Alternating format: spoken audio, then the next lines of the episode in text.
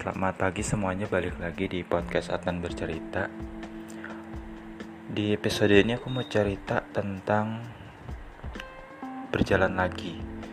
Artinya berjalan lagi itu uh, Aku pengen memulai kembali Sebuah perjalanan panjang Sendirian Yang mungkin suatu saat akan ditemani oleh orang-orang yang aku temui sepanjang perjalanan. Makanya aku mau mencoba menikmati waktu demi waktu perjalanan yang ada sampai entah kapan. Termasuk kamu, itu udah aku anggap sebagai teman. Aku buat podcast dengerin. Aku juga buat tulisan sebenarnya cuman belum banyak yang baca gitu loh. Karena emang tulisannya singkat-singkat sih semacam kutipan-kutipan.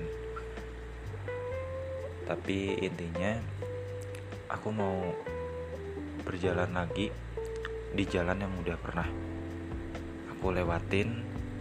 Aku mau meniti kembali meraih apa-apa yang pernah aku raih dulu. Aku benar-benar mau mulai dari nol melupakan semua yang udah aku lupakan aku raih. Dan pengen jadi sosok Adnan yang baru. Pengen jadi sosok orang yang baru. Karena hidup itu ya emang harus terus berjalan nggak bisa diem di tempat. Karena kalau aku diem di tempat maka nggak akan ada perubahan. Dan itu nggak baik. Kalau berjuang itu kan peluang sukses sama berhasil itu sebenarnya 50% 50% ya gagalnya 50% suksesnya 50% aku mencoba perenung bahwa salah kalau peluang kita gagal itu jauh lebih banyak dibandingkan sukses.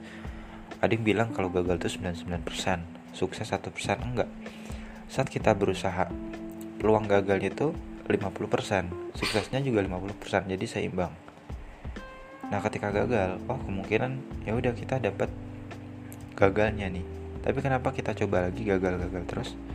Barangkali emang kita belum beruntung.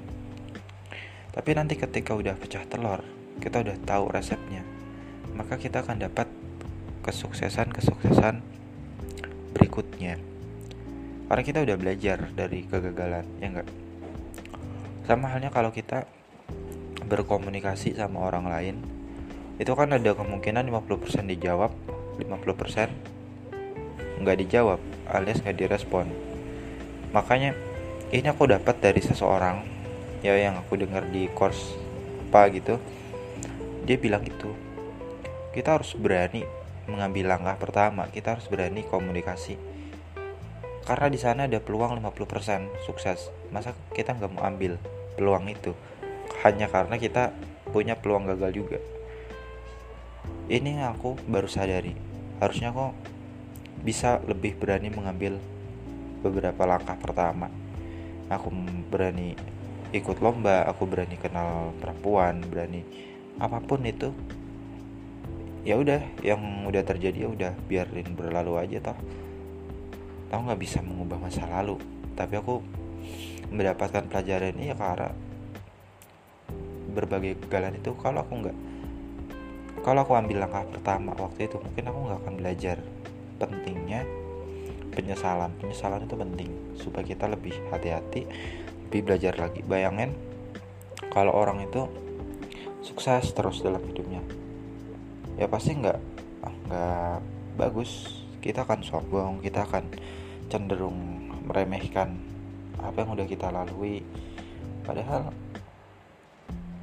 ya itu nggak nggak bagus gitu. Yang bagus adalah kita banyak gagal tapi kita juga banyak mencoba terus belajar hingga akhirnya kita sukses. Sukses itu sebenarnya hasil efek samping dari apa yang pernah kita lakukan. Gagal itu juga efek samping sebenarnya. Yang utama adalah proses yang kita lakuin. Kita lakukan kita lalui hingga akhirnya kita mendapatkan hasil tersebut.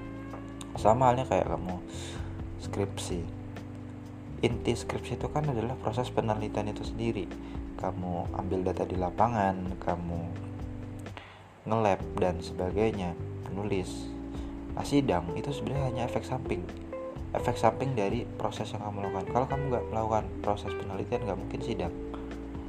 Sama halnya kalau kamu ngelab pasti ada gagalnya. Pasti. Itu efek samping dari proses itu. Kalau kamu nggak mau nggak gagal kamu nggak usah ngelakuin itu. Tapi resikonya kamu juga nggak akan sukses